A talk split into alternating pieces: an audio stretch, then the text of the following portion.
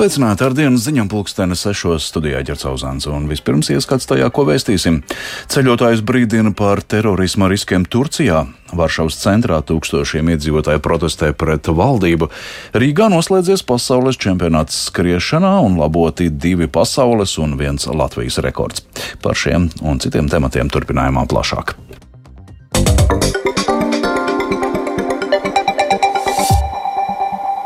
Ārlietu ministrija atjaunojusi ceļojumu brīdinājumu Turcijai. Ministrijā skaidro, ka Turcijā saglabājas teroristu grupējumu uzbrukumu riski ar iespējamu protestu un demonstrācijas.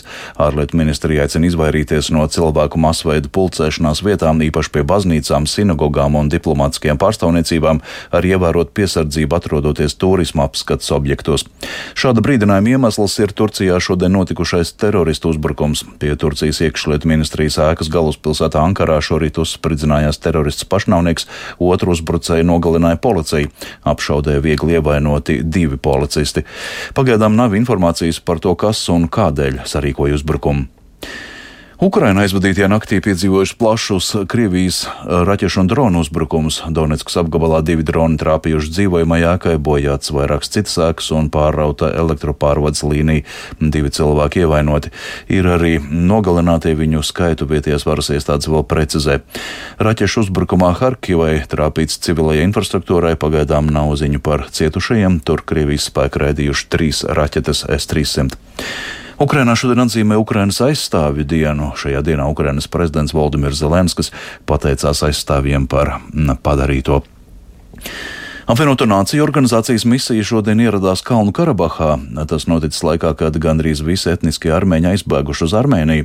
Šī ir pirmā reize aptuveni 30 gadu laikā, kad starptautiskā organizācija ir ieguvusi piekļuvi reģionam. Misijas sastāvā ir dažādu ANO iestāžu pārstāvji. Viņu uzdevums ir iepazīties ar situāciju un izvērtēt, kāda humanā palīdzība vajadzīga Kalnu Karabahas iedzīvotājiem. Turpina Rihards Plūme. Lielā bēgļu pieplūduma dēļ Armēnija, kurā dzīvo 2,8 miljoni iedzīvotāju, saskaras ar lielu izaicinājumu. Kalnu Karabahu pametuši jau teju visi, jeb vairāk nekā 100 tūkstoši no 120 tūkstošiem iedzīvotāju. Aptuveni 35 tūkstoši bēgļu pašlaik atrodas pagaidu mītekļos. ANO augstais pārstāvis bēgļu jautājumos Filipo Grandī aicinājis īstenot steidzamu starptautisku palīdzību, ko būtu nepieciešams sniegt sniegt bēgļiem. Divas nedēļas līdz polijā gaidāmajām parlamenta vēlēšanām opozīcija cer panākt izrāvienu Varšavas centrā šodien pulcējot tūkstošiem cilvēku, kas protestē pret eh, pie varas esošo valdību. Valdošā partija likums un taisnīgums aptaujās ieņem pārliecinošu vadību, tādēļ opozīcija cenšas mobilizēt vēlētāju pirms izšķirošā balsojuma, kas gaidāms 15. oktobrī. Plašāk par notiekošo polijā stāsta Rihards Plūme. Valdošā partija likums un taisnīgums, kas bieži konfliktē ar Eiropas Savienību un saskārusies ar apsūdzībām par likuma varas graušanu valstī, šobrīd aptaujās ieņem pārliecinošu pārsvaru. Par to gatavi balsot aptuveni 35% vēlētāju. Likums un taisnīgums līderi sestdien rīkoja mītiņu Katovicē, valsts dienvidos. Dzień dobry, panie premierze! Pan premier Jarosław Kaczyński dzisiaj w katowickim spotku. Ogromne brawa! Partija ir cīnījusies par solījumu neļaut migrantiem nokļūt Polijā, sakot, ka tas ir būtisks valsts drošības jautājums, kā arī turpinājusi novirzīt naudu ģimenēm un veciem cilvēkiem. Eiropas Savienības amatpersonas un diplomāti laikrakstam Financial Times norādījuši, Brisele gatavojas tam, ka pašreizējā vara Polijā saglabāsies, un plaisa starp Varšavu un Briseli turpinās pastāvēt arī nākamos piecus gadus. Tas savukārt padarīs Eiropas Savienības vienprātību svarīgos jautājumos grūtāk sasniedzamu. Opozīcijas alianse Pilsoniskā koalīcija jau ilgu laiku atrodas otrajā vietā ar 27% vēlētāju atbalstu, taču pēc opozīcijas līdera Donalda Tuska teiktā viņa paša partijas pasūtītās iekšējās aptaujas liecinot, ka partijas likums un taisnīgums pārsvars ir samazinājies tikai līdz 2% punktiem. Ar šādu retoriku un aicinājumu poļiem šodien piedalīties mītiņā bijušais polijas premjers un centriskās pilsoniskās koalīcijas bloka vadītājs Donalds Tusks cenšas mobilizēt vēlētājus opozīcijas atbalstam pirms izšķirošajām 15. oktobra vēlēšanām. Dzisiaj następuje wielka zmiana. To jest e, sygnał. Tusks šodien paziņojis, ka Varšavas centrā pulcējušies vairāki simti tūkstoši protestētāju, lai paustu savu neapmierinātību konservatīvajai valdībai. Varšavas centrā patiesi pulcējušies tūkstošiem cilvēku ar Polijas un Eiropas Savienības karogiem, taču precīzu skaitu ir grūti noteikt. Sanākušos uzrunāja arī Varšavas mērs Rafals Trzaskowskis. Idziemy w tym marszu po zwycięstwo w wyborach za dwa tygodnie. Dodamies šajā maršā, lai pēc divām nedēļām gūtu uzvaru vēlēšanās. Tas ir tikai sākums, jo mēs šajā maršā dodamies uz jaunu poliju, pilnībā jaunu. Es redzu, ka miljoni ir pamodušies, un tas ir pats svarīgākais. Mēs ejam pilni drosmes un apņēmības pretī nākotnē. Jāpiebilst, ka Ungārija ar premjeru Viktoru Orbānu pie varas jau sagādājusi nemazums problēmu Briselē, un arī parlamenta vēlēšanās Slovākijā uzvarējusi populistiskā ekspremjera Roberta Fico vadītā kreisā partija virziens sociāldemokrātija. Fico tiek dēvēts par otru Eiropas Orbānu, un tagad visa uzmanība ir pievērsta Polijai. Pēc Briseles domām Tuska uzvara padarītu Orbānu izolētāku un norādītu uz galēji labējo spēku ietekmes mazināšanos pirms nākamajā gadā paredzētajām Eiropas parlamenta vēlēšanām. Daniels Hegedijs, Vācijas Māršala fonda vecākais līdzstrādnieks, paudis viedokli, ka Centrāla Eiropas, Austruma Eiropas un Dienvidē Eiropas neliberālu autoritāru valdību kodols varētu kļūt spēcīgāks, un tas vēl vairāk apgrūtinātu Eiropas Savienības ārpolitikas darbību koordināciju. Rihards Plūme, Latvijas radio.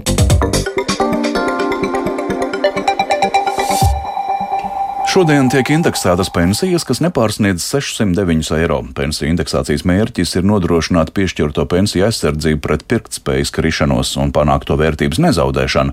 Piemēram, senioram, kuram vecuma pensija ir 450 eiro, no oktobra tā palielināsies par vidēji 30 eiro. Labklājības ministrija gan aicina ņemt vērā, ka no pensijas var tikt ieturēts iedzīvotāju ienākuma nodoklis.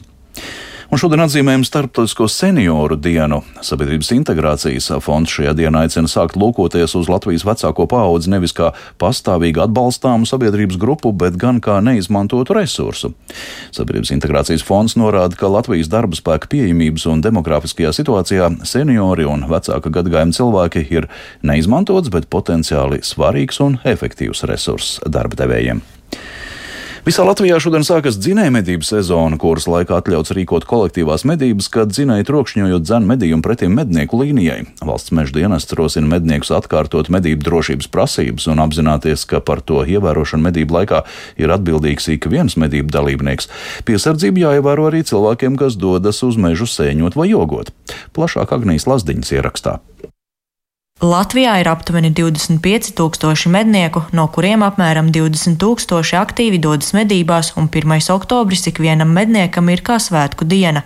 Tā stāsta Latvijas mednieku asociācijas valdes priekšsēdētājs Haralds Barviks. Šobrīd var medīt praktiski visus Latvijā medījamos dzīvniekus. Tātad no lielajiem dzīvniekiem tās ir meža cūkas, stirnas, aļņi, brieži, nu un arī mazie dzīvnieki. Tātad gan lapsas, gan jenotsuņi turpinās vilku medības. Nu, nedrīkstam, diemžēl, nedrīkstam mēs lūsi vairs medīt. Lielākā daļa klubu nogaida līdz kokiem nobirst lapas un mežs kļūs pārskatāmāks un arī mazinās sēņotāju vai ogotāju skaits. Līdzīgi izsakās arī valsts meža dienesta medību daļas vadītājs Valters Lūsis, aicinot medniekus izvērtēt nepieciešamību doties dzinēja medībās jau pašā sezonas sākumā. Lai gan kādreiz 1. oktobris ir bijis ļoti piemērots laiks, kāds sākt sezonu, pēdējos gados situācija ir mainījusies, skaidro Lūsis. Mēs redzam, ka tie rudeņi paliek ilgāki, agrāk, jā, tas vairāk piesaistījās, jau faktiski lapas jau sāka birkt. Tas ir tās jau diskutējums jautājums, un šī gadījumā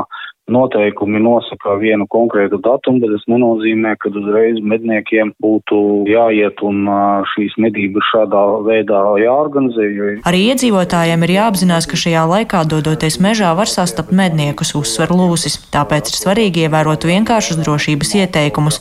Piemēram, doties uz mežu spilgtā, labi pamanāmā apģērbā, netuvoties šāvienam un dzinēju radītajiem trokšņiem, un izdzirdot šāvienu netālu, ir svarīgi likt manīt par savu klātbūtni ar skaļāku uzvedību. Runājot par negadījumiem, Lūsis norāda, ja nelaimes gadījumi notiek, tad pēc statistikas tie visi ir saistīti ar medību dalībniekiem. Pagājušo gadu skatoties statistiku, tas bija vairāk saistīts ar ievainotu meža cūku uzbrukumu medniekiem vai dzinējiem. Ne tik daudz par medību šaujamierots, kur bija tikai viens gadījums. Dzinēja medības ir atļautas katru dienu no saulēkta līdz saulrietam. To sezona ilgs līdz nākamā gada 31. martam, izņemot meža cūku un stalbriežu dzinēja medības, kas ilgs līdz 31. janvārim. Agnija Lazdiņa, Latvijas radio. Oktobra pirmajā svētdienā tradicionāli atzīmējam skolotāju dienu. Pēc izglītības ministrijas datiem Latvijā ir gandrīz 26 tūkstoši pedagoģu. Nozars ministre Handa Čakša no jaunās vienotības atgādina, ka skolotāji mūs mācījuši lasīt, rēķināt, izzināt, izvirzīt un sasniegt mērķus. Valsts prezidents Edgars Rinkevičs aicina skolotājus ne tikai ļaut, bet pat mudināt jauniešus sapņot arī tad, ja viņu mērķi šķiet nereāli. Un vēl par sportu. Pirmajā triju distanču apvienotajā pasaules čempionātā šoseis skriešanā šodien Rīgā laboti divi pasaules un viens Latvijas rekords. Vairāk Mārtiņa Kļavinieks sagatavotajā ierakstā. Pasaules čempionātā Rīgā skrējēji sacentās jūdzes 5 km un pusmaratona distancēs. Latvijas galvaspilsētā šodien krita divi pasaules rekordi. Etiopiete Diriba Velteģī to paveica jūdzes skrējienā dāmām, bet kungu sacensībās identisku panākumu sasniedza ASV skrējējs Hops Keslers. Katrs no skrējējiem par pasaules rekorda labošanu saņēma 50 tūkstošus eiro. Latvijas rekordu 5 km laboja Uģis Jocis, viņš 5 km km distancē finišēja pēc 14 minūtēm un 14 sekundēm, pār 6 sekundēm laboja pērn Dmitrijs Erjogina sasniegto Latvijas rekordu. Lai gan Latvijas skrējēji neizcēlās ar augstām vietām nevienā no distancēm, pēc sacīkstēm visai pašmā izlasēji rīkotāji pateicās īpaši. Pirmais pasaules čempionāts skriešana ar trim disciplīnām. Un tāpēc sakarā ar šo ļoti nozīmīgo unikālo notikumu sveiksim Latvijas izlases dalībniekus, sagaidām Latvijas izlases pārstāvjus uz skatuvi. Aplaus pavadījumā Latvijas izlase! Rīgā dominēja Kenijas un Etiopijas skrējēji. Kenijieši izcīnīja piecas zelta medaļas, bet etiopieši divas. Lūk, arī dāmu pusmaratona labākās skrejējas saņem savus godalgus.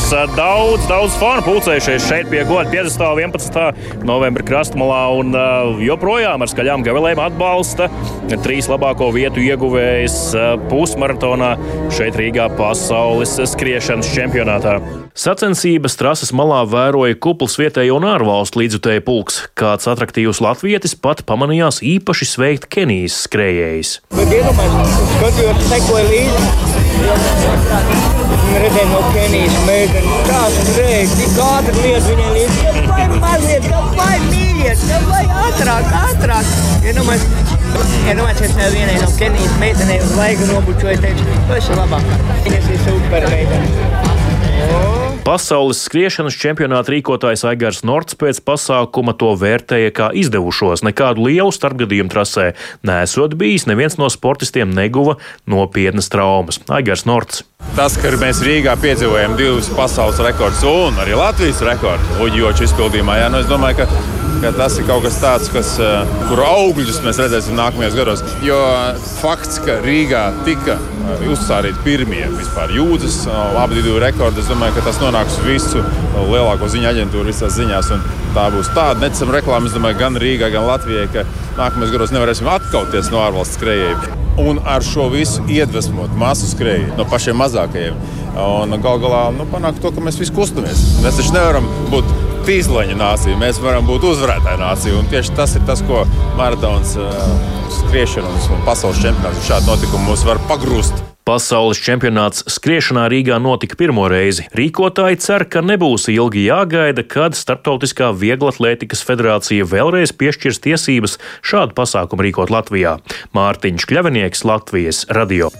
Līdz ar to izskana dienas ziņas sešos. Vēl par laikapstākļiem Rīgā šobrīd 16 grādi, ziemeļrietumu vējš 4 m2, atmosfēras spiediens 764 mm.